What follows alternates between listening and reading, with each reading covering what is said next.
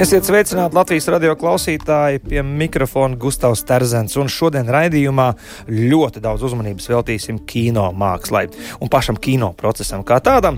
Otrajā cēlienā dzirdēsiet jau otro epizodu ciklā Kino profesionāls darbs aiz kadra, kur Laimas Lava izzinās vizuālo efektu un datorgrafikas noslēpumus ar šīs jomas veterānu vizuālo efektu veidotāju Māri Āboliņu. Bet jau tūdaļ ar trim ekspertiem atskatīsimies uz kultūra telpas norisēm norisēm janvārī, kas alaži ir bijis dažādu kultūras balvu pieteikumu mēnesis, kurā tiek paziņot arī balvu pretendenti, piemēram, Normunda Naumaņa vārdā nosaukto gada balvu mākslas kritikā, ko saņēma Ivars Steinbergs. Uzzinājām arī lielās mūzikas balvas nominantus, noslēdzies Latvijas sabiedrisko mediju gada balvas kultūrā, kilograms kultūras 23 fināla balsojums. Apbalvojumu ieguvējiem izņos svinīgā ceremonijā 16. februārī. Savukārt šovakar Latvijas Kinematogrāfijas Savienības pirms 35 gadiem iedibinātā Nacionālās kinobalvas lielais Kristaps atklāšana un filmu programma. Bijusi arī aktīva kino dzīve uz ekrāniem un arī pasaulē, bet par visu pēc kārtas. Kultūras rondo skatās skatās un spriež kopā ar kultūras redaktori portālā Delfija LV Noru Riekstu. Labrīt! Labrīt! Ar um, Latvijas televīzijas kultūras žurnālistu Jānu Lāci. Sveicināts! Un ar kino kritiķi Kristīni Simpsoni. Labrīt! Labrīt! Jā, nu es pieņemu, ka, ka Lielais Kristaps tomēr ir karstākais notikums uh, šobrīd uh, uz visu mūsu kultūras šķīviem. Lielākā porcija ar daudz neatbildētiem jautājumiem. Ar kādām sajūtām un ar kādiem spriedumiem jūs sagaidāt šo notikumu? Es labprāt gribētu dzirdēt tos jautājumus. Jautājums ir par, par filmām, kuras mēs neesam redzējuši, bet kuras ir jau saņēmušas nominācijas mūžīgi mūžos. Uh, es domāju, ka te, te droši vien ir tie divi, divi skatu punkti, kā uz to raudzīties. Jo, protams, ka cilvēkiem, kas regulāri seko līdzi kino norisēm un dažādiem kinofestivāliem, kinobalvām un tā tālāk, tur, protams, viss ir skaidrs. Bet tomēr uh, filmas būtiska sadaļa ir tas cilvēks, kas sēž pie ekrāna. Un, uh, protams, ka šim skatītājam, šim cilvēkam pie ekrāna ir kaut kā šogad iekrājušies vairāk jautājumu nekā tas varbūt ir bijis citus gadus. Un jā, viens no lielākajiem jautājumiem un tādiem visbiežāk dzirdētajiem, protams, ir tas, kā tad tas tā ir, ka Pansī pilī tagad iet kinoteātros, mēs uh, redzam, visi slavē, bet lielam Kristapam nominācija nav. Vienlaikus ir filmas, kuras ir saņēmušas daudz nominācijas, bet mēs viņas neesam redzējuši. Un tas, manuprāt, ir pilnīgi normāls skatītāju jautājums. Jā, topošo skatītāju. Topošo vēl pat topošo skatītāju. Tāpat varētu vēl piebilst klāt, jo ir cilvēki, kur, es domāju, neredzēs arī šos. Pa, tas pats uh, uh, padomju džīnsi, kurš ir, starp citu, laikam līderis nominācijas skaita ziņā šogad, vai ne? Tas pats um, viņš arī vēl nav izrādījis šis gabals, vai ne? Un, viņ, un tad viņš tiks izrādīts kinoteātrī. Kurš pagūs aiziet uz kinoteātri, tas noskatīsies, un pēc tam To redzēs tikai tie, kuriem ir TV3 pieslēgums vai tas viņ, jā, viņu šie kanāla pieslēgums. Man, piemēram, nav šāds pieslēgums. Tātad, ja es nepagūšu aiziet uz kinoteātri, es šo filmu neredzēšu. Bet tas jau ir tieši tāpat kā nopirkt kino biļeti, es domāju, straumēšanas platformas pieslēgums. Bet atgriežoties pie visu pēc kārtas, Pansija pilī netika pie nominācijas, tāpēc, ka pavisam vienkārši uh, seriāls vēl uz to laiku, kad atlases komisija, kurā es arī darbojos, vēl nebija pabeigts. Līdz ar to mums nebija ko skatīties, mums nebija ko vērtēt. Līdz ar to tāpēc arī šis. Uh, otrs par to, kāpēc ir nominēts filmas, kuras skatītāji nav redzējuši. Te droši vien ir akmens lielā Kristapa organizatora, proti Latvijas kinematogrāfistu savienības dārziņā, jo uh, proti tās nominācijas, ko izvirza atlases komisija, eksperti, es domāju, ka tā nebūtu problēma, ka šīs filmas vēl skatītāji nav redzējuši, bet es domāju, ka līdz ar nominācijām būtu bijuši bijis jānāk ļoti skaidrai komunikācijai par to, kad šīs filmas būs skatāmas, jo drīzumā jau mēs tomēr to visu uz ekrāniem redzēsim. Jā, bet par to šobrīd mēs, eh, tas paliek ēnā. Ja, jo tā afiša izpaliek iepratim to, ka ir šī neaizsniedzamība. Tā sajūta, ja, ka, ka filmas nav mums, jo filmas ir filmu veidotājiem un, filmas, un filmu profesionāļiem šādā gadījumā. Un nu, vēl, vēl šeit ir viena lieta, arī, nu, kas, teiksim, darbojās, piemēram, spēļu nakts skatītāju balsojums kaut kā. Nu, ka skatītāji tiek iesaistīti aktīvāk vai ne šajā kaut kādā vērtēšanas procesā.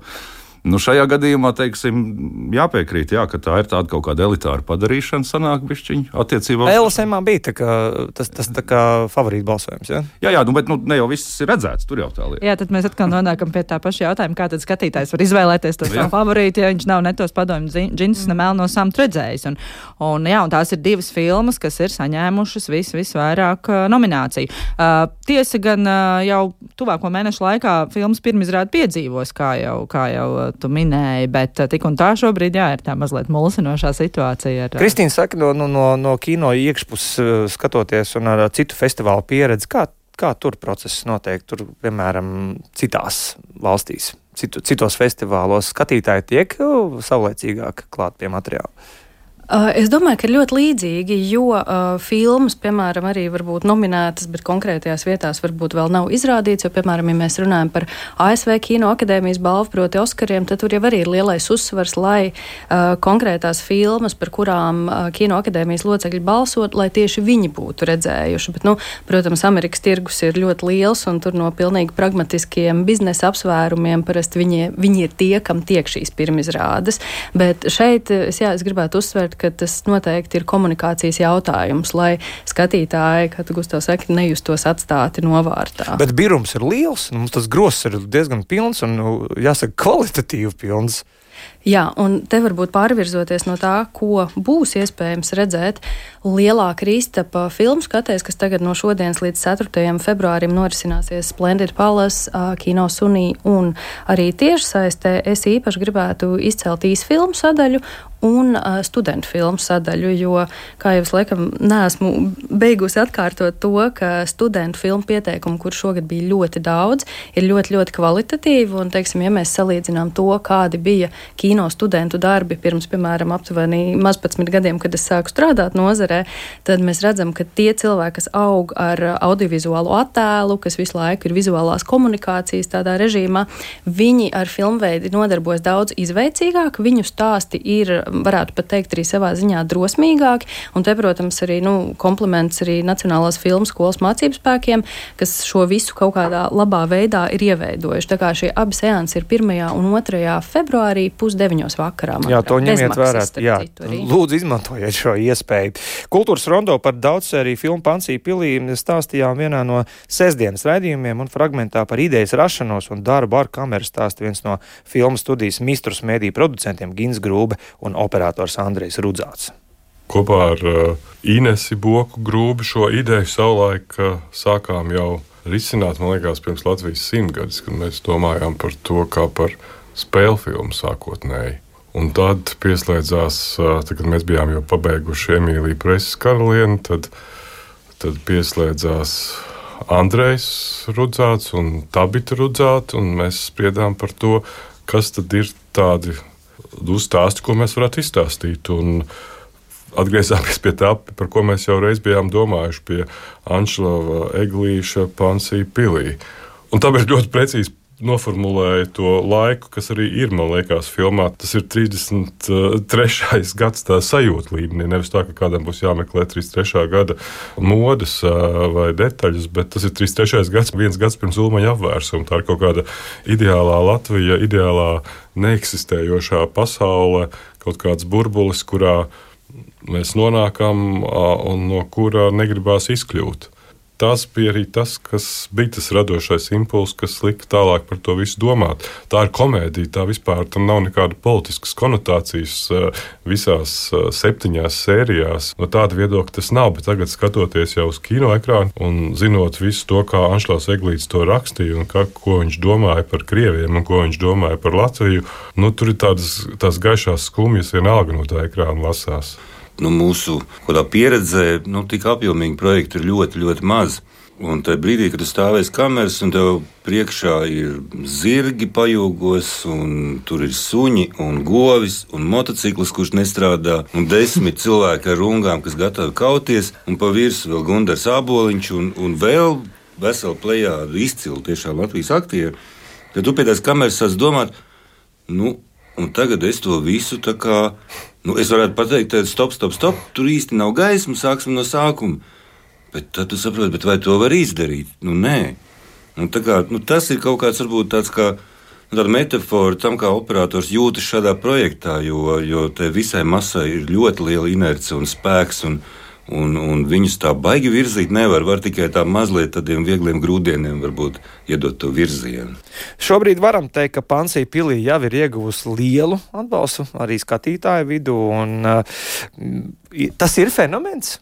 Es domāju, ka pilnīgi noteikti, un pie tam atbalsts un tā rezonance ir no pirmajām divām sērijām. Nākamās divas būs tikai uh, pie skatītājiem nonāks 8. februārī, un tad pēc tam pakāpeniski līdz mēneša beigām arī visas nākamās. Un, un šobrīd jau par tām pirmajām divām sērijām, un kritiķi gan ir un žurnālisti redzējuši arī uh, mediju seansos arī trešo un ceturto sēriju, tāpēc tās recenzijas ir par tādu uh, drusku lielāku kopumu, bet tiešām jā, tā, tā, tā sajūsma tikai kāpj un kāpj un aug un aug. Un, uh, un, un, un es domāju, ka pamatoti, jo tāpēc, ka uh, Kristīna, man liekas, ka tu rakstīji par to, ka visblīvākais uh, dažādu Latvijas teātru, dažādu pauģu aktieru uh, koncentrāciju uz vienu ekrāna minūti, un, uh, un jā, tiešām brīnišķīgi, brīnišķīgi darbi, un it īpaši jāizceļ dažne dažādas mazās lomas, un es jau ar nepacietību gaidu, kur kādā pansijas viesa vai kāda, nezinu, nejauši garām gājēja lomā parādīs parādīsies vēl vai kāds, kāds vecmeistars vai kāds pavisam jauns aktieris. Tā kā ļoti, ļoti, ļoti labs izdevies darbs. Jā, nu te es absolūti piekrītu, jo tāpēc, ka trīs režisori atgādināšu, tātad Ants Mizišs. Martinsons un, un Sīmans. Šis trio, Mizišs, Martinsons, Sīmans. Es, es redzēju tikai pirmo sēriju šobrīd. Esmu redzējis, un to taisīja Mizišs. Tas ir vienkārši ļoti, ļoti, ļoti skaists un saturīgs un visādi superīgi, latviešu sakot, izveidots, izveidots stāsts ar šiem zelta aktieriem visiem. Nu, jā, bet uh, es domāju, ka te ir arī diskusijas jau nav tikai par to, vai ne cilvēki izmanto iespēju iet uz kino, bet es uh, jau pieskāros šai tēmai par to, ka šī filma ir līdzīga tāpat kā padomju džinsi. Viņi ir arī tapusi, tātad atgādināšu ja, par uh, Eiropas Savienības naudu. Tātad mm, šie te pandēmijas likvidēšanas, vai kā nu viņi saucās, pandēmijas likvidēšanas uh, līdzekļi. Jā, kopumā četri šādi seriāli. Četri šādi seriāli vēl veido Andrēs Reģis. Un, jā, un, un, un tātad 80% no e, šo filmu veidošanai ir e, Eiropas nauda, 20% vajadzēja atrast tātad producentiem pašiem, ko nu viņi atrada. To viņi ir atraduši šajā gadījumā Pansai Pilī. Un Mistrus Mēdī ir atraduši TV3, kas viņiem nāca pretī, un tā tad šī filma tapa uh, par šādu finansējumu. 80% ir Eiropas nauda, tātad, un 20% ir TV3 nauda. Jā, tā kā to ir būtiski atgādināt šeit. Un, nu, un šajā gadījumā, jā, un tad. Tad uh, tiek izrādīts, tā tad atgādināšu vēlreiz, tiek izrādīts kino, ir šie daži seansi, kas sadalīti pa sērijām. Mēs seriālus skatāmies kinoteātrī. Ir, jā, protams, jā, ir bijis. Jā, jā, jā. jā, jā. Emīlija arī. Jā, jā. Emīlija, jā, tieši tā. Nu, lūk, tā tad ir kinoteātris, un pēc tam tā tad ir TV3 uz septiņiem gadiem ir uh, izrādīšanas šīs tiesības. Nevienam citam vairāk nav. Jā, tas par. To es atgādinu. Tas par Excel. Jā, jā, par Excel. Jā. Kino kultūra telpā. Mm. Bet atgriežoties pie lielmeistariem, nu nevar nepieminēt Pansiju pilī un tad paskarts no Romas. Un atkal ir tas laiks, kad iznirst Jānis Jarāns. Jā, viņš ir gaidījis, Ģeniāls. pacietīgi, ja, un pēkšņi mums ir ļoti daudz Jāņa Jārāna šobrīd. Mm. Es domāju, ka ir, ir droši vien nākuši pie, pie šprices diezgan daudz jaunu režisoru, kuriem nav nu, šis atmiņu uzslāņojums par to, kas ir Jānis Jārāns. Uh, un, uh, un, un, un, un vienkārši viņi uh, neredz viņā miedziņu, viņi neredz viņā skaidrītes. Es neatceros, ba Imants Babīts. Imants Babīts, jā, jā, vienu no, no varoņiem. Viņi redz vienkārši aktieri ar potenciālu. Es pieļauju, ka tā ir tā situācija. Kāpēc šobrīd ir, ir Jānis Jārāns tiešām nāk ārā no ekrāna vairākās dažādu režisoru filmās? Es vēl gribu piebilst arī, kas man šķita ar Pansiju pilī saistībā ir Ivars Kalniņš kuru mēs arī Latvijas, Latvijas kino, es kaut kā neatceros, kad, kad bija pēdējā filma, kur viņš piedalījās. Arī šeit viņš, es, ne, es gan nezinu, kurā no sērijām, bet viņš tur ir. Nu, vismaz trailerī viņš parādās, ka viņš tur būs. Un kā teica filmas veidotāji, viņš esot lielisks komēdiju aktieris. Nu, jā.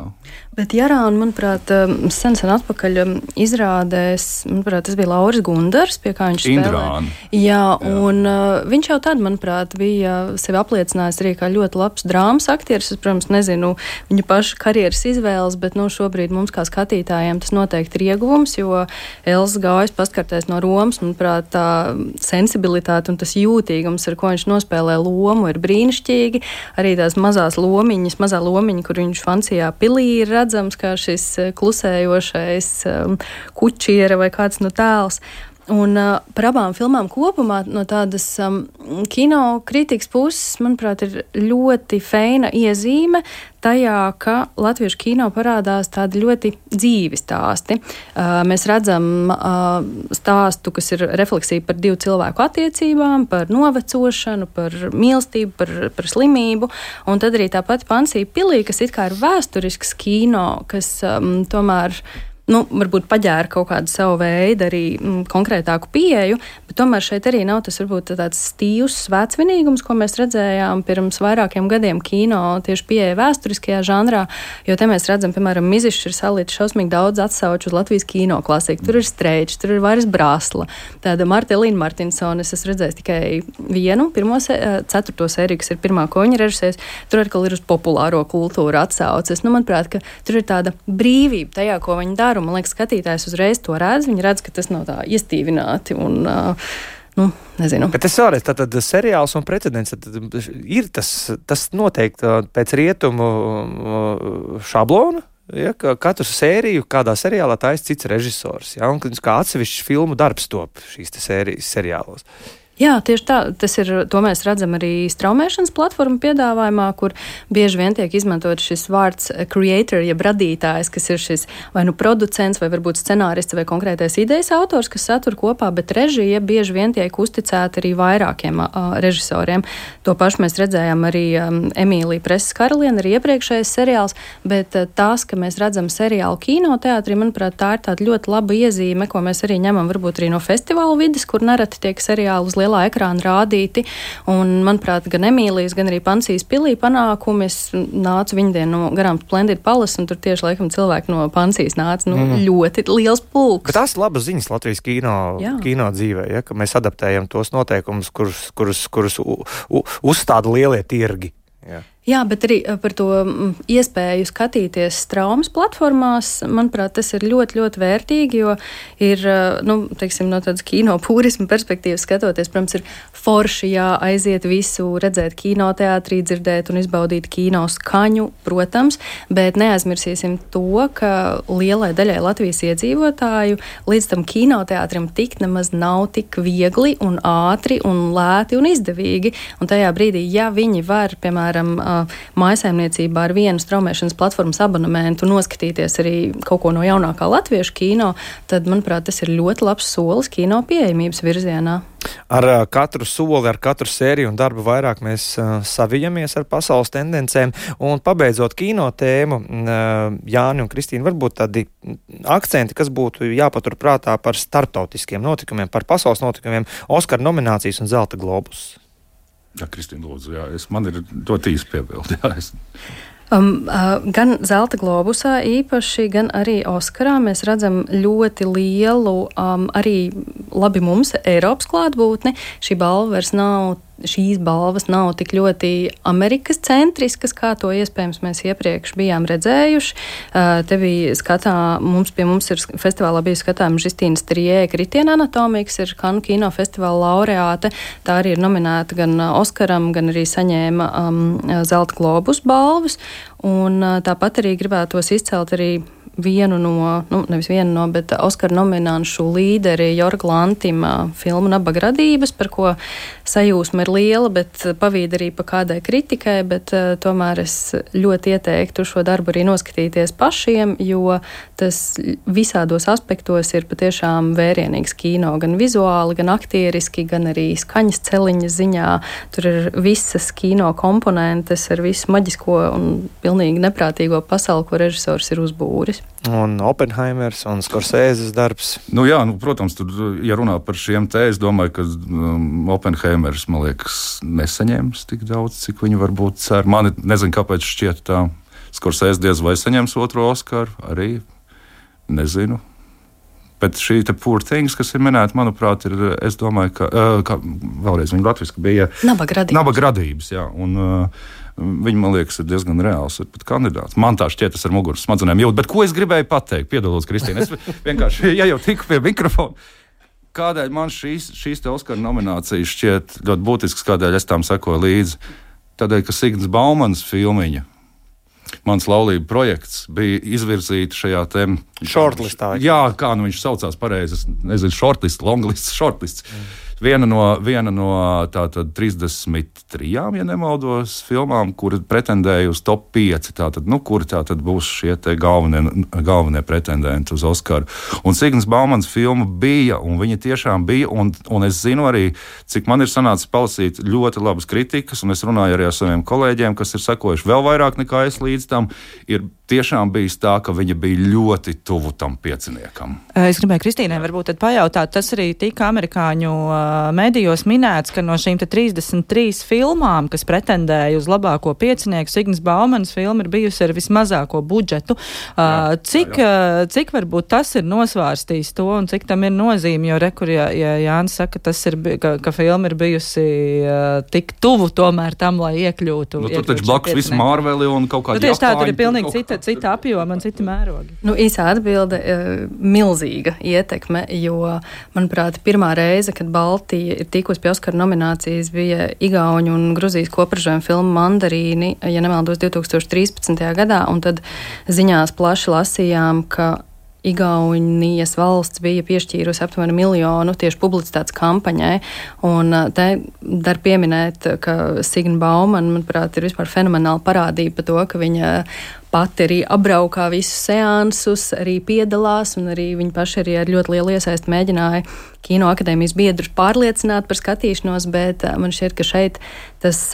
Um, Finansiālais apsvērums vienkārši bija māķentiņa, māķentiņa par īsu, jo skatoties kontekstā ar pārējām filmām, teiksim, tas, ko mēs redzam, piemēram, Eiropas lielākajā animācijas festivālā Ansī, nu, Signas filma neatpaliek, bet, nu, teiksim, Oskarā, nu, mēs redzam, ka tas ir tāds kompromiss starp uh, lielajām um, animācijas studijām, autoru kino un uh, tajā droši vien skaļākie vārdi, diemžēl, uzvar. Nu, galvenais nesaļims tagad Tieši no, no šī brīža. Es vēl gribu, gribu nocitēt pašu Signu Baumanu man bija ar viņu sarunu vēl pirms. Uh, pirms noskaidrojās šie piec, šis piecinieks, viņa teica, tas ir kā ponija sacensība ar skrējēju zirgiem ar garām kājām. Viņš saka, un es esmu tas ponijs.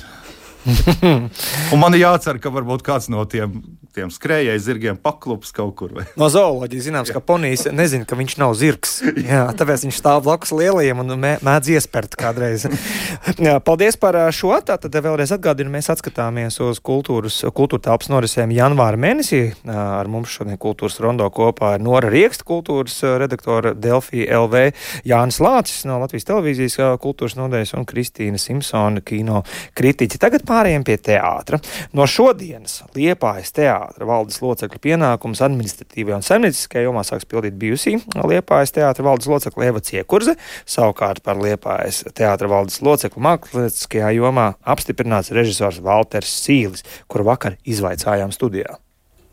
Tev pašam ir pieredze strādāt dažādās spēles uh, platformās, dažādos laukumos. Kā ir ar šīm telpām? Es domāju, lielā skatuve, lielā zāle. Uh, Alež tiek runāts arī par to, ka varētu būt mazā, bet tad ir uh, lielais dzintars. Kā tavuprāt, vai ir pietiekama tagad tā situācija ar spēles laukumiem? Nu, tas ir, jā, tas ir manas kolēģis Evas Ciekurzes lielais mērķis par eh, strādāt pie tā, lai mums būtu um, Eiropas līmenim atbilstoša um, melnā kaste. Un, un tas, ir, uh, uh, tas ir salīdzinoši neliela izmēra, bet tomēr gana liela izmēra, uh, mazā zāle, kurā būtu. Uh, kurā būtu augsti griezti, kāds īstenībā ļoti maz Latvijā ir. Mums, mums, Tas ir pārsteidzoši, jā, bet mums tā ir bijusi. Valmjerā, cerams, tagad jā, būs, bet, eh, bet, eh, bet, bet tā, tā ir bijusi liela bēda, ka, ka mēs strādājam vai nu piemērotās telpās, vai arī mēs strādājam eh, ļoti šajā klasiskajā teātras formā, kas man ļoti, ļoti patīk. Bet, bet tur ir noteikti risinājumi, ar ko režisors katru reizi satiekās. Viņš, jā, viņš ieliks tālajā stūrī aktieri, kāda daļa viņu neredzēs. Un, un, jo viņš ir domāts cita, citiem režijas principiem. Un ar to, protams, mēs dzīvojam, un tas ir brīnišķīgi, ka tas ir. Bet tomēr, jā, melnās kastes vajadzība, un ka mēs pie tā strādātu, un ka tas ir tāds mērķis, uz ko jau, pie kā jau tiek strādāts. Mums vēl kaislīgas diskusijas notiek par kino, par kino finansējumu un par kino nākotni. Bet, um, kā jūsuprāt, kādus, um, kādus dziļumus satricinās uh, Valtera Sīļa apstiprināšana Liepājas teātra uh, mākslinieckās jomas vadītāja amatā? Man godīgi sakot, liekas, ka Valters Sils ir diezgan mierīgs režisors. Es nezinu, vai, vai var gaidīt tādus lielus satricinājumus, bet es, tā ir tāda mana sajūta vairāk skatoties viņa izrādes. Es nezinu, protams, kāds viņš ir darbā ar aktieriem. Laikam tie satricinājumi lielākie jau tur ir bijuši pirms tam. Es gan godīgi sakot, man līdz šim nebija sajūta, ka Liepais teātrī kaut kas nebūtu kārtībā ar vadību, jo tāpēc, ka, manuprāt, pēdējo kaut kādu, nu, desmit gadu griezumā, varbūt pat vairāk, Liepais teātrim tomēr ir bijuši vairāki brīnišķīgi veiksmes stāsti, sākot ar klaipēdas kursu un izrādi precības un vēl, vēl vairākiem citiem darbiem. Nē, nu tas, ko izdarīja Herberts Lauksteins, tas neapšaubām ir. Tas ir pat kaut kur zināmā mērā sākumā donkihotisms, bet viņš paveica, viņš to izdarīja. Manuprāt, Valters Sīls, ir tāds teātris filozofs. Ja? Nu, mēs varam visādus epitētus meklēt režisoriem, ir huligāni un ir visvisādi, vai ne? Bet viņš ir tāds teātris filozofs. Un viņš, man liekas, tieši tā arī pieies visai, visai savai darbībai šeit. Viņš ir saņēmis ļoti augstvērtīgu, ļoti, manuprāt, es gribētu teikt, nu, pat laikam labāko šobrīd trupu Latvijā. Uh, un, uh, un viņš strādās ar to tieši tā. Un, un, un kas man vēl patīk pie Waltera, ir tas, ka viņš um, ārkārtīgi uh, sako līdzi oriģināla dramaturgijai. Ja, viņš ir no tiem, kas uh, meklē starp latviešu autoriem darbus, un arī tagad aprīlī viņam būs uh, tēvs klusums iestudējums, sauc par diriģentu. Tāds, tāds darbs, ko viņš liepais teātrī. Uh, jau, jau bija sarunāts viņam, es saprotu, jau, jau krietni laika atpakaļ, ko viņš iestudēs. Ja? Un tas ir arī oriģināls darbs. Un man liekas, ka viņš spiedīs uz šiem punktiem. Būs latviešu autori, būs, nebūs kā, kā savulaik teica Herberts Lauksteins, nebūs ledenes. Ja? tas ir viņa citāts. Es, es, domāju, es domāju, ka šeit ar tā būs, ka tie būs tādi, nu, tādi mākslinieciski, labi, augstvērtīgi darbi. Bet uh, garākā termiņā respektīvi skatoties uz 2027. gadu, kad Liepāja kļūs par Eiropas kultūras galvaspilsētu. Jā, tas, tas būtu jautājums, ko droši vien es arī uzdotu Valtram Sīlim, kur, kur šis te viņa, viņa plānos, kā iezīmējas tieši laiks, kad Liepāja būs Eiropas kultūras galvaspilsēta, pie kam tam plānam ir jābūt jau diezgan saulaicīgi gatavam, kas ir tas, kā, kā Liepājas teātris ierakstīsies, ieliksies šajā programmā iekšā, kas būs tas, tas, tas viņa pienesums. Uh, vietējā. Un... Vasaras programma šajā gadījumā. Es vakar tieši par viņu runāju ar Valteru un minējām arī šo punktu. Viens no viņa aspektiem bija skaidrs, ka viņš neatklāja kaut kādas konkrētas darbības metodas un Excel tabulas minētās ne, un tam līdzīgi.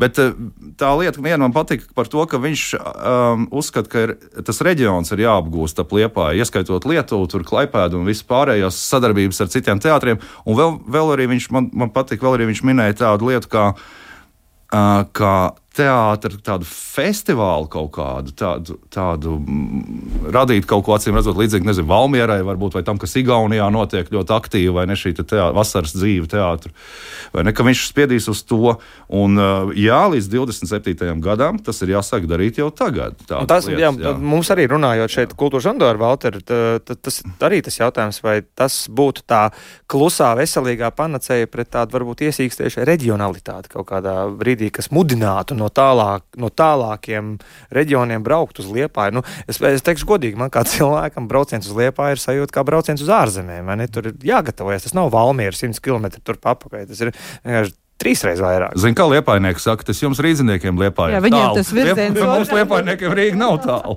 Tieši tā, jā. uh, bet te es domāju, ka atcerēsimies, ka Valters Sīls arī ir diezgan veikli un drosmīgi darbojies dažādos spēles laukumos, sākot ar pārgājienu gar Mārupīti un vēl uh, dažna dažādās neparastās vietās. Un es domāju, ka Liepāja tur viņam piedāvās mm. daudz ko vairāk nekā tikai lielā dzintara zāle un Liepājas teātra zāle. Skatīsimies un, protams, novēlam, novēlam izdošanos gan radošo, gan arī saimniecisko šajā gadījumā. Um, par, par teātri vēl janvāra mēnesī, kas vēl jūsos ir uh, jūsu prātos un apziņā aizķēries? Drīkst es uzreiz pateikt. Es esmu atzīšos godīgi, es esmu diezgan maz skatījies izrādes, un, un, un daudz, diezgan daudz, lai man piedod teātris cilvēku drāņķus redzējis. Bet par vienu izrādi es esmu, es esmu stāvā sajūsmā, un es sen kaut ko tādu gaidīju, un ir drausmīgi izrādi nokritizēta, bet man viņa patika. Un tas ir Pīters Pence, ejiet sviestā dēls teātrī. Es tā smējos, sen nebija, un man aiz muguras sēdēja meitenīte, smējās, man tur aiz muguras sēdēja kungi gados, tie rēca pilnā balsī. Pilnīgi izrāda, kur, kur, kā saka, dažreiz, nu, ka nav tur dramaturgijā, nav jēgas, nu, ko viņi tur raksta. Vajag arī tādus darbus, kur tu vienkārši, lai, ne, lai nebūtu jāsasprindzina smadzenes, vienkārši tu nāc un to lemvas, tu skaties, un, un ne tikai skaties, arī dzīvo līdzi. Es jūtos ļoti labi atpūties pēc šī darba un, un, un ar labu pēcgaršu. Tā kā es gribu izcelt to. Tas, kas tomēr drusku pārsteidz, ir tas, ka Dēls teātris to ir piedāvājis kā izrādi ģimenēm ar bērniem. Nu, kāpēc ne? Lai iet ar ģimenes ar bērniem. Bērniem, es domāju, ļoti varētu patikt tur tas viss tā ņemšanās, kas tur notiek. Nu, vismaz tad, tad, kad es skatījos, tad tur bija apmēram puse zāles, bija tāda, nu, kaut kāda pirmklasnieka apmēram. Nu, tad, tad, tad jāiet uz mazo zāli. Jā, Nu, tad jā. sagadījās mēs uh, ar Noru Riekstu sagadījāmies kopā vienā izrādē. Uh, Ilzas Čuzulas krastiņas manā izrādē visas viņas. Uh, nu, man subjektīvi no sava skatu punkta sakot, nu, man, man trāpīja. Jā, noteikti, noteikti trāpīja, iestudējums trāpīja. Uh, izrāda ir trīs monologi, uh, kur faktiski jā, Ilza Čuzulas krastiņa ir uh, trīs dažādos tēlos, taču viens no šiem monologiem, trešais, ir tik jaudīgs. Ka, nu, manuprāt, tie pirmie divi arī mierīgi varētu nebūt. Jo tas, ko viņa kā aktrise uh, aktieri meistarīgi, tehniski izdara šajā trešajā monologā, uh, tas ir vienā elpas vilcienā, faktiski nospēlē visu viena cilvēka dzīvi. Uh, tas tiešām ir apbrīnojami. Jā. Turklāt uh, cilvēka dzīve, sievietes dzīve, par Sieviete, kuru ir rakstījis vīrietis. Kas šeit ir, nav mazbūtiski šajā gadījumā. Un, es zinu, ir rakstnieki, kas saka, lai rakstītu otra, otra dzimuma pirmajā personā, ja tā ir augsta pilotāža. Ja, lai, lai līdz tam tiek, ja, tas tā uzreiz nenotiek. Jā, un augstu, augsto pilotāžu pārņem arī uh, aktrise, kura to visu vienkārši tiešām nepārspīlējot vienā elpas vilcienā, arī skatītājiem aiznes. Uh, burtiski ar atsevišķiem vārdiem, bet mainot, ma, ma, iz, izrunājot kā sieviete. Sākot no zīdaiņa vecuma un beidzot ar vecumdienām, vēl iesaistot citus personāžus, tas tiešām ir apbrīnojami, ko viņi izdara šajā monologā. Es noteikti pieminētu arī mm, seksualitātes un vientulības jautājumu, ko otrā sadaļa risina šajā, izrādē, kas ir arī tāda kaut kur tabū tēma sabiedrībā. Par to mēs nerunājam, un tad mēs neredzam tos milzīgos aizbergu zemūdens esošos nelaimju sablīvējumus cilvēkos, kas novada pēc, pēc psihiskām problēmām. Šajā gadījumā un tad diezgan drosmīgi par to, par to tiek runāts no sākuma smieklīgi, pēc tam līdz asarām. Jā, tad, kā, visa tipa asaras ir iespējams vienā, vienā izrādē šajā gadījumā. Uh, mēs pirms tam pieskārāmies Eiropas kultūras galvaspilsētu jautājumam, tātad par Liepai 27. gadā, bet šobrīd, 24. gadā, tās ir trīs pilsētas. Tad trešā savu mm, atklāšanas pasākumu tikai noturēs, tas ir Norvēģijā. Uh, Bodē pilsētā aiz polārā loka, bet divās Tērbatā, jeb Tartu un Bādīšlā, Austrijā tas jau ir noticis. Un vai jūsu, uh, jūsu radarā ir nonākuši Eiropas galvaspilsētu norises šobrīd? Nu, manā, manā radarā pilnīgi noteikti, jo es Tartu pavadīju trīs dienas un biju klāt visos galvenajos atklāšanas pasākumos, gan, uh, gan uh, sākot ar, ar, ar, ar pirmā vakara iepazīšanās tikšanos un beidzot ar preses konferenci, lielo šovu virs Semajēgi upes un, uh, un, protams, ar visu gājienu, diseni un reivu pēc tam Igaunijas Nacionālajā muzejā. Jā, te jāpiebilst, kurš ir lido, lidlokā un tajā kontekstā zinot, ka Tartu satika tikās arī Eiropas kultūras ministri, tostarp arī Ukrainas. Un ka šo lidlauku, kur šobrīd ir uzcelts uh, muzejs, vadīja Džohars Dudājevs. Jā, tad, stingrs uh, austrumu kaimiņu diktatorismu pretinieks. Ja. Es varētu pateikt par to, ka nu, es nebiju trīs dienas, kā Noris bija tikai divas dienas, bet uh, viss ir ļoti labs salīdzinājumā. Un es nezinu, kāpēc visu laiku mēģināju salīdzināt ar to, ko mēs pirms diviem gadiem piedzīvojām Kaunijā, kad Kaunija bija Eiropas kultūras galva. Es nezinu, vai Nor, tu nebija laikam. Jā. Es visu laiku salīdzinu, jo lietuvieši viņi tā, viņiem bija ārkārtīgi ar vērienu viss, un tas šaus, tas bija vēl Covid laiks, un tur uh, arī tur pie Žalgiras arēnas milzīgi ekrāni, viss tur notiek tāds. Uh, tāds uh, Marina Brāmoviča viesojās vai ne, ar laikmatīgās mākslas ikonu. Um, šeit kaut kā tāda, ar to man atstāja tādu iespēju, ka tas tā mājīgi viss ir. Tā. Nu, tā, tu esi tāds absolūti iebraucis iekšā tajā, tu esi tāds savējais. Un man tā sajūta nepamet šīs divas par ko liecina šī savrupības izvēle visās trijās pilsētās? Bādīšlā, Austrijā tā ir iekšalpu teritorija. Tā tad ne visiem pieejama īp, īpatnēja mentalitāte cilvēkiem, tā kā uz salas dzīvojošiem bez maz vai Tartu un Dienvidigaunija arī ir ļoti liels atklājums daudziem, kas nekad nav bijuši Igaunijā, piemēram. Ja? Tas nav Tallinas pieredze, tā ir pavisam, pavisam cita, ja? kā arī uh, Setomā un Pēcseru apgabala, kuros notiks arī ļoti ļoti daudz eh, pasākumu. Un tad, protams, šī aiz arktiskā loka. Ja? Ko šī te, Igauniem ir tāda arts of survival, izdzīvošana? Ja? Tad, tad šie iekapsulētie reģioni, ko, ko šis koncepts jums vēstīja? Nevar spriest par iekapsulētiem reģioniem, bet eh, skatoties arī iepriekšējos gadus, nu jau pat tādā ļoti lielā griezumā, uz to, kādas pilsētas ir bijušas kultūras galvaspilsētas statusā. Un, um, tolēk, kad es uh, studēju Francijas ziemeļos Lillē, tad Lille arī bija bijusi kultūras galvaspilsēta. Un uh, Francijā par tiem ziemeļiem tas uzskats, manuprāt, arī vienā filmā tika atainots, nu, ka viņi visi strādā ogļu raktuvēs, dzer, un uh, nu, ka tur absolūti nekāda kultūra nav un savstarpējā saskarsmes kultūra pat ir uh, zemā līmenī. Un tad uh, šī pilsētu izvēle, attiecīgi šīs pilsētas eh, parāda pilnīgi jaunā. Jaunā gaismā, ja, piemēram, Lillē notiek ļoti daudz arī ar kino saistīti festivāli. Tagad eh, tuvumā ir eh, festivāli, kas ir veltīti spēļu filmām un, un, un plašāk žanra kino darbiem. Pašā Lillē tagad notiek arī animācijas filmu tirgus, un manuprāt, ka tās ir saurupās teritorijas, kā saka, ka tas eh, ļoti labi iekustina to plūsmu, ietrenē cilvēku plūsmu uz šīm vietām. Nu, es varētu, tā mana sajūta ir, eh, ka viņi spēlē uz ekskluzivitāti noteikti. Tas rada šo te, respektīvi, tas ir tāds, eh, tā ir laba kārts, ko izspēlēt. Uh, Vispirms mēs pasakām to, ka mēs esam tādi tā kā uz salas, kā, kā tu minēji, ja? un tad mēs sākam stāstīt, ar ko mēs esam. Cik dziļi ir tā sala? Jā, un kas tur viss ir. Un man liekas, ka tā ir baigi laba, tas ir labs mārketinga gājiens šo te izspēlēt kā ekskluzīvu. Un es domāju, ka Tārtu gadījumā tas ļoti labi izdosies, eh, jo viņi, eh, viņi nu, vismaz cik es pa diagonāli izgāju cauri tajai programmai, viņi tos to spiež. Mums ir viss gads kultūras galvaspilsētu jomā vēl priekšā. Šobrīd teikšu jums paldies. Eh, ceru jūs redzēt arī, kad spriedīsim par februāru kultūra telpas notikumiem. Vēlreiz saku paldies Norai Riekstē, kultūras redaktorē no Delfi LV, Jānim Lācim no Latvijas televīzijas kultūras nodaļas un Kristīnai Simpsonai no kinokritiķa pasaules. Paldies jums!